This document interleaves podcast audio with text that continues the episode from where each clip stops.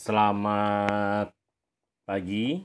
Kali ini saya hendak membacakan uh, pekanan ke-7 dari uh, materi HSI yang saya ikutin, yaitu pekan ke-7 uh, itu ada dari halakoh ke-6 dan ke halakoh sampai halakoh ke-10. Untuk kali ini kita mulai dari halakoh ke-6, yaitu Keyakinan Allah sebagai pencipta, pemberi rejeki, dan pengatur alam semesta tidaklah cukup memasukkan seseorang ke dalam agama Islam. Oke, kita masuk sekarang ke materi pekanan ketujuh halakoh keenam, yaitu silsilah mengenal Allah, keyakinan Allah sebagai pencipta, pemberi rejeki, dan pengatur alam semesta tidaklah cukup memasukkan seseorang ke dalam agama Islam. Kaum muslimin meyakini bahwasanya Allah Subhanahu wa taala adalah pencipta, pemberi rejeki dan juga pengatur alam semesta adalah sebuah kewajiban yang tidak sah keimanan seseorang sampai dia meyakini yang demikian. Namun meyakini hal itu saja tidaklah cukup untuk memasukkan seseorang ke dalam agama Islam dan belum bisa menjadi pembeda antara seorang muslim dengan orang yang kafir. Allah Subhanahu wa taala mengatakan di dalam Al-Qur'an menceritakan tentang ucapan iblis. Allah berkata kepada iblis, "Apa yang mencegahmu untuk sujud kepada Adam ketika aku memerintahkan kepadamu?" Iblis mengatakan, "Aku lebih baik daripada dia. Engkau telah menciptakan aku dari api dan menciptakan dia dari tanah." Ada di surat Al-A'raf ayat 12. Ayat ini menunjukkan bahwa iblis mengenal Allah Subhanahu wa taala sebagai zat yang menciptakan dirinya. Orang-orang musyrikin Quraisy ketika mereka ditanya, "Siapa yang menciptakan? Siapa yang memberikan rezeki kepada mereka? Siapa yang mengatur alam semesta?" Mereka mengatakan Allah. Dan seandainya engkau wahai Muhammad bertanya kepada mereka, Siapa yang menciptakan langit dan juga bumi? Niscaya mereka mengatakan Allah. Ada di Al-Quran, surat Az-Zumar ayat 38. Meskipun mereka meyakini hal yang demikian, akan tetapi Rasulullah Shallallahu Alaihi Wasallam menerangi, eh, memerangi mereka. Kenapa demikian? Karena orang-orang musyrikin Quraisy tersebut tidak mentauhidkan Allah yaitu tidak mengesahkan Allah Subhanahu wa taala di dalam beribadah. Oleh karena itu, setiap muslim perlu mengetahui apa pengertian ibadah dan macam-macamnya, sehingga dia tidak menyerahkan satu ibadah pun kepada selain Allah. Nah, itu adalah akhir dari halakoh ke-6. Sekarang kita ke halakoh ke-7. Halakoh ke-7 adalah mengenai silsilah mengenal Allah tetap, yaitu pengertian ibadah dan macam-macamnya. Ibadahlah, ibadah adalah seluruh perkara yang dicintai dan diridhoi oleh Allah Subhanahu wa taala, baik berupa ucapan maupun perbuatan yang zohir maupun yang batin. Seseorang bisa mengetahui sesuatu dicintai oleh Allah Subhanahu wa taala dengan beberapa cara, di antaranya apabila sesuatu tersebut diperintahkan oleh Allah Subhanahu wa taala, maka kita mengetahui bahwasanya sesuatu tersebut adalah ibadah. Karena Allah Subhanahu wa taala tidak memerintah kecuali dengan sesuatu yang Allah cintai. Termasuk di antaranya, apabila Allah Subhanahu wa taala diketahui menguji pelakunya, maka kita mengetahui bahwasanya sesuatu tersebut adalah dicintai oleh Allah Subhanahu wa taala. Doa adalah ibadah karena Allah Subhanahu wa taala memerintahkan. Berdoalah kalian kepadaku, niscaya aku akan mengabulkan. Ada di surat Al-Quran surat Ghafir ayat 60. Rasulullah Shallallahu Alaihi Wasallam bersabda di dalam sebuah hadis, doa itu adalah ibadah. Dari HR Abu Dawud nomor 1479, At-Tirmisi nomor 2969, Ibnu Majah nomor 3828, dan Ahmad 4 garis miring 267 dari sahabat Nu'man bin Bashir. Dengan demikian, syirik hukumnya apabila berdoa kepada selain Allah, baik kepada seorang nabi, seorang malaikat, seorang jin, orang yang sahih, dan lain-lain. Menyembelih juga adalah ibadah. Allah berfirman, Hendaklah engkau sholat untuk Robmu dan juga menyembelih untuk Robmu. Al-Quran Surat Al-Kautsar ayat 2 Dan Rasulullah Shallallahu Alaihi Wasallam bersabda, Allah Subhanahu Wa Taala melaknat seseorang yang menyembelih untuk selain Allah. HR Muslim 1978 dari sahabat Ali radhiyallahu anhu. Dengan demikian termasuk sirik hukumnya apabila seseorang menyembelih untuk jin atau untuk syaik atau untuk yang lain selain Allah Subhanahu wa taala. Seperti bernasar, beristighosah, bersumpah, bertawakal, rasa cinta, rasa takut, maka semua ini termasuk jenis-jenis ibadah. Tidak boleh sekali-kali seorang muslim menyerahkan salah satu dari ibadah-ibadah tersebut kepada selain Allah Subhanahu wa taala. Itulah yang bisa kita sampaikan pada halakoh kali ini dan sampai bertemu kembali kepada halakoh selanjutnya. Itu akhir dari halakoh ketujuh. Sekarang kita pergi ke halakoh ke-8, yaitu contoh kesirikan orang-orang musyrikin Quraisy. Halakoh yang ke-8 dari silsilah ilmiah mengenal Allah adalah tentang di antara kesirikan musyrikin Quraisy. Di antara bentuk kesirikan orang-orang musyrikin Quraisy adalah berdoa meminta dan bertakarub kepada orang-orang yang salih yang sudah meninggal. Itu tidak boleh. Menyerahkan sebagian ibadah kepada mereka dengan tujuan supaya mendapatkan syafaat mereka di sisi Allah dengan tujuan mencari kedekatan kepada Allah.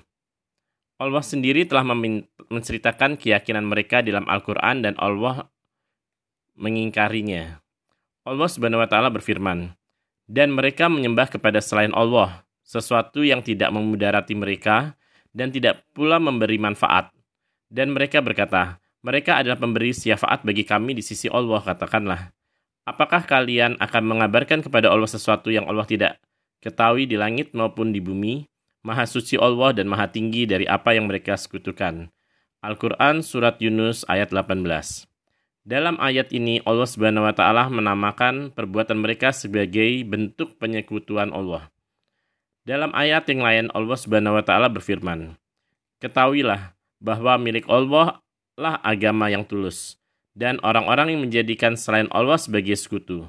Mereka mengatakan, tidaklah kami menyembah mereka melainkan supaya mereka mendekatkan diri kepada kami kepada mendekatkan diri kami kepada Allah.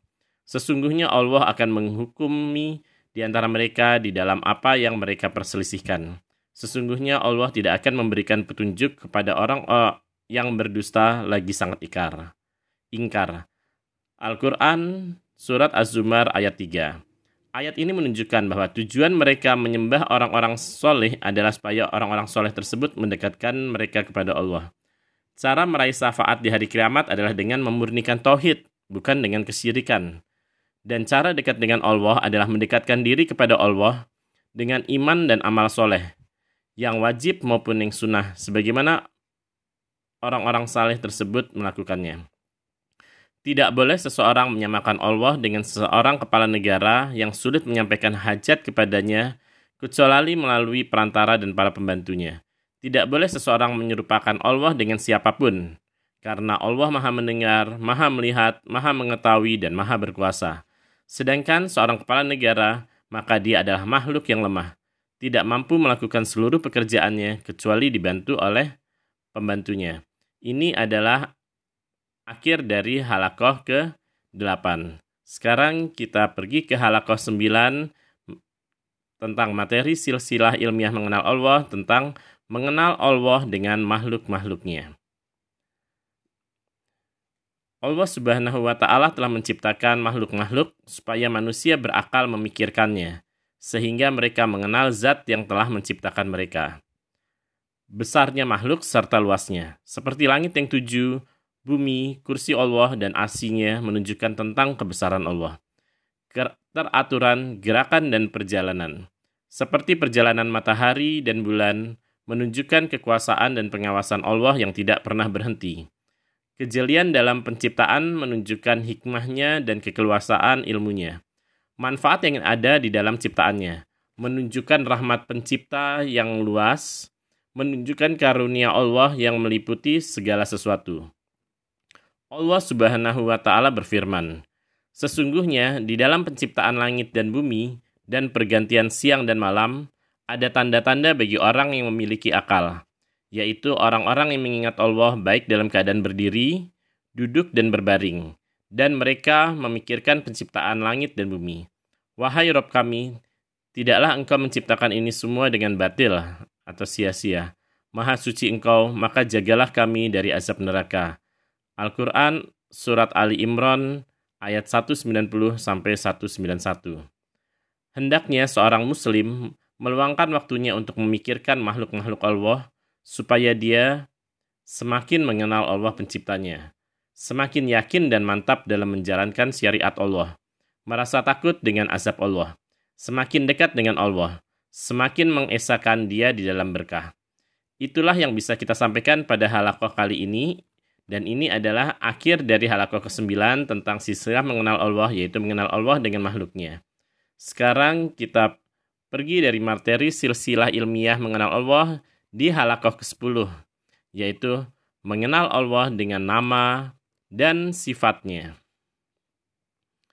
Halakoh yang ke-10 dari silsilah ilmiah mengenal Allah adalah tentang mengenal Allah Subhanahu wa taala dengan nama dan sifatnya.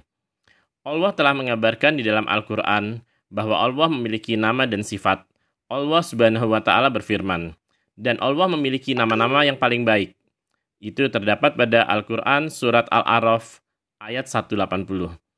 Allah Subhanahu wa taala juga berfirman, "Dan Allah memiliki sifat-sifat yang paling tinggi." Pada Al-Qur'an surat An-Nahl ayat 60. Kita mengenal Allah dengan nama dan juga sifat tersebut. Kita mengenal Allah sebagai zat yang maha penyayang karena dia adalah ahroman Ar-Rahim. Kita mengenal Allah sebagai zat yang maha pengampun karena dia adalah Al-Ghafur dan seterusnya. Allah juga mengabarkan diri di dalam Al-Quran bahwa di antara cipta di antara sifat Allah adalah satu beristiwa di atas arsi, bahwa Allah memiliki dua tangan, bahwa Allah berada di atas langit, turun ke langit dunia pada setiap sepertiga malam yang terakhir sebagaimana dikabarkan Rasulullah Shallallahu Alaihi Wasallam dan juga sifat-sifat yang lain. Kewajiban kita sebagai seorang muslim adalah menetapkan nama dan juga sifat tersebut. Karena Allah lebih tahu tentang dirinya daripada kita semua. Dan Rasulullah SAW lebih tahu tentang Allah daripada kita. Tidak boleh seorang muslim menolak nama-nama dan juga sifat-sifat tersebut. Dan tidak boleh dia menyerupakan dengan selain Allah karena Allah berfirman. Tidak ada yang serupa dengan Allah dan dia adalah zat yang maha mendengar lagi maha melihat pada Al-Quran Surat Ar-Syura ayat 11. Jadi yang benar, yang seharusnya dilakukan oleh seorang muslim adalah menetapkan nama dan juga sifat tersebut sebagaimana datangnya sesuatu dengan keagungan dan kebesaran Allah, tanpa menyerupakan dengan selainnya dan tanpa mentakwil nama dan juga sifat tersebut. Dengan demikian, kita sudah menyelesaikan silsilah ilmiah yang kedua, yaitu tentang mengenal Allah dan insya Allah akan kita lanjutkan dengan silsilah ilmiah berikutnya silsilah ilmiah ketiga akhirnya akan meng, itu adalah mengenal Rasulullah Shallallahu Alaihi Wasallam. Oke, kita selesaikan saja untuk halakoh kali ini dan ini untuk pekan ketujuh. Terima kasih sudah mendengarkan Wisnu Kanal. Sampai di sini dan terima kasih. Assalamualaikum warahmatullahi wabarakatuh.